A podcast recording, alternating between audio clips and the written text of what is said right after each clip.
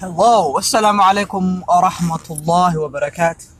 For those of you who are eager to learn Somali language, Islam, and many more, I'm here for you to um, teach you Islam, to teach you uh, Quran, Prophet Muhammad and all other prophets.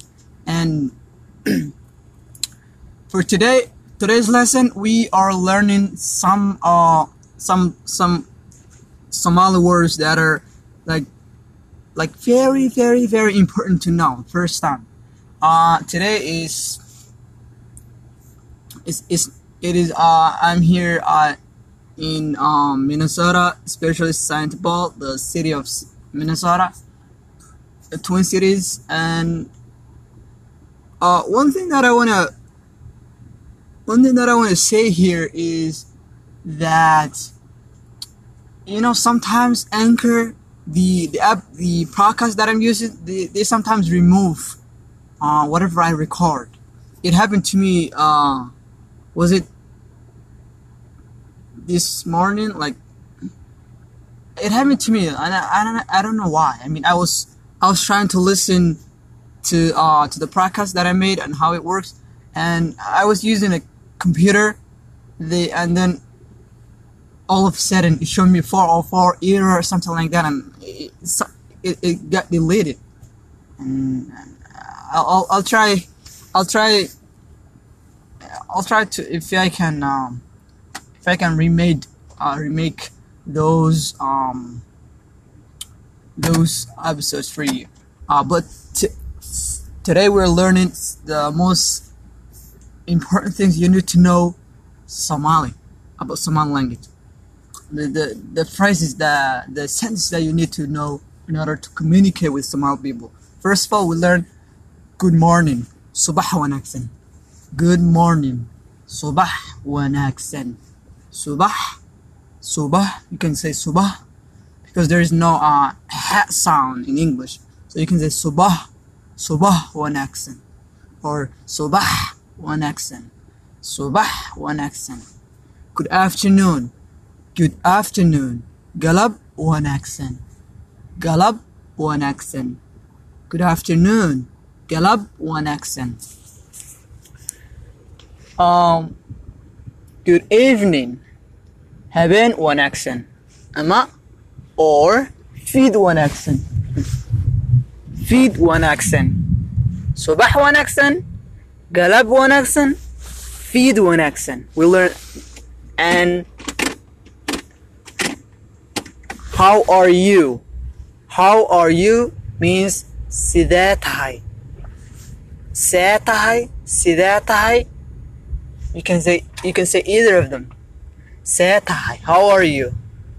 See tahay. See tahay. How are you? See tahay. And you'll be saying I'm good uh, or pretty good. Fi'an. Good. Fi'an. I'm good. If you say that, if you want to say that, you'll say anigu waan fiicanahay. Waan fiicanahay. You know, a lot of times we we you know we use in English language it is very hard to uh to not say you know uh, he she it those but in Somali language there, there's a way we we don't actually say that you know literally we we don't say that we don't literally say we, but there's something else that we say, you know. But it is it is it is equal to uh, we, but it's not we, you know. For example, uh, I'm I'm good. That means anigu fiicanahay. But literally we just say waan fiicanahay instead of saying anigu waan fiicanahay. We just we only say waan fiicanahay. Waan fiicanahay. I'm good. Waan fiicanahay. But the grammatic thing, the the, the correct one, if you're looking at uh, at a uh, grammatical thing, grammatical point of view, is anigu waan fiicanahay. That's if you're looking at the grammatically. But if you're talking just verbal, fiicanahay. Anigu waan fiicanahay. Fiicanahay. Waan fiicanahay. Some people may say fiicanahay. Children may say fiicanahay. But you need to say waan fiicanahay or anigu waan fiicanahay. I'm good. Anigu waan fiicanahay. Pretty good. Fiican. Good. Fiican. You know? You can say either of it. This is all. Those those English are it means instead of you know English has a lot of options right? You can say I'm pretty good I'm good I'm fine good you know? But Somali you say anigu waan fiicanahay a lot of most people will say anigu waan fiicanahay alhamdulillah which literally means thank Allah. Anigu waan fiicanahay alhamdulillah. Thank God. Thank Allah. Thank God. The second one is how are you I'm just repeat I'm just reviewing alright? How are you? Say tahay how are you? But if there are more than two people you can still say in English you, you- you'll just say how are you? But in Somali you'll say sidee tihiin how are you?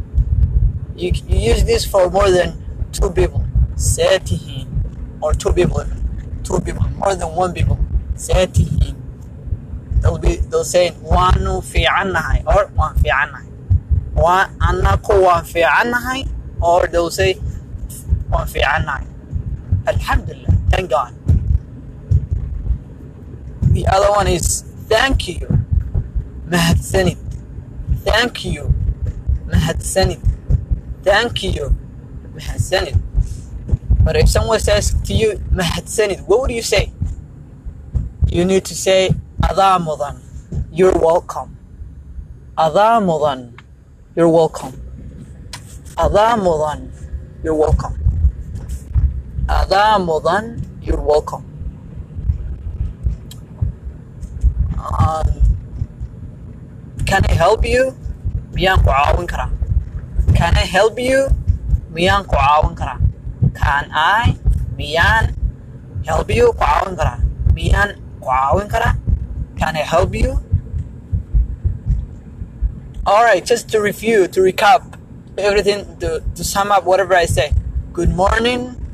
Subax wanaagsan good evening. Feed wanaagsan ama habeen wanaagsan good night is habeen wanaagsan but if you say good evening that means feed wanaagsan good afternoon galab wanaagsan how are you? See tahay how are you?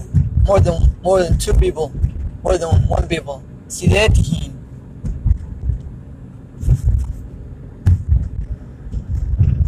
good fiican I'm good waan fiicanahay anigu waan fiicanahay or as I previously say fiican waan fiicanahay or fiican good good.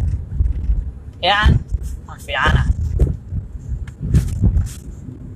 so that's all I have today and I wish you the best and if you keep do this I'm sure you will learn Somali language so fast.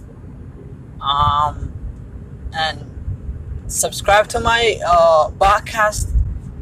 And if you have any questions, why don't you leave your you can you can actually ask me any question you want about Somali language or Islam or you know um, in the description below or by you, you can just call me or you can just take uh, your voice and just submit it to me that that'll be awesome and and more than that, I'm thank God and I I wish you the best.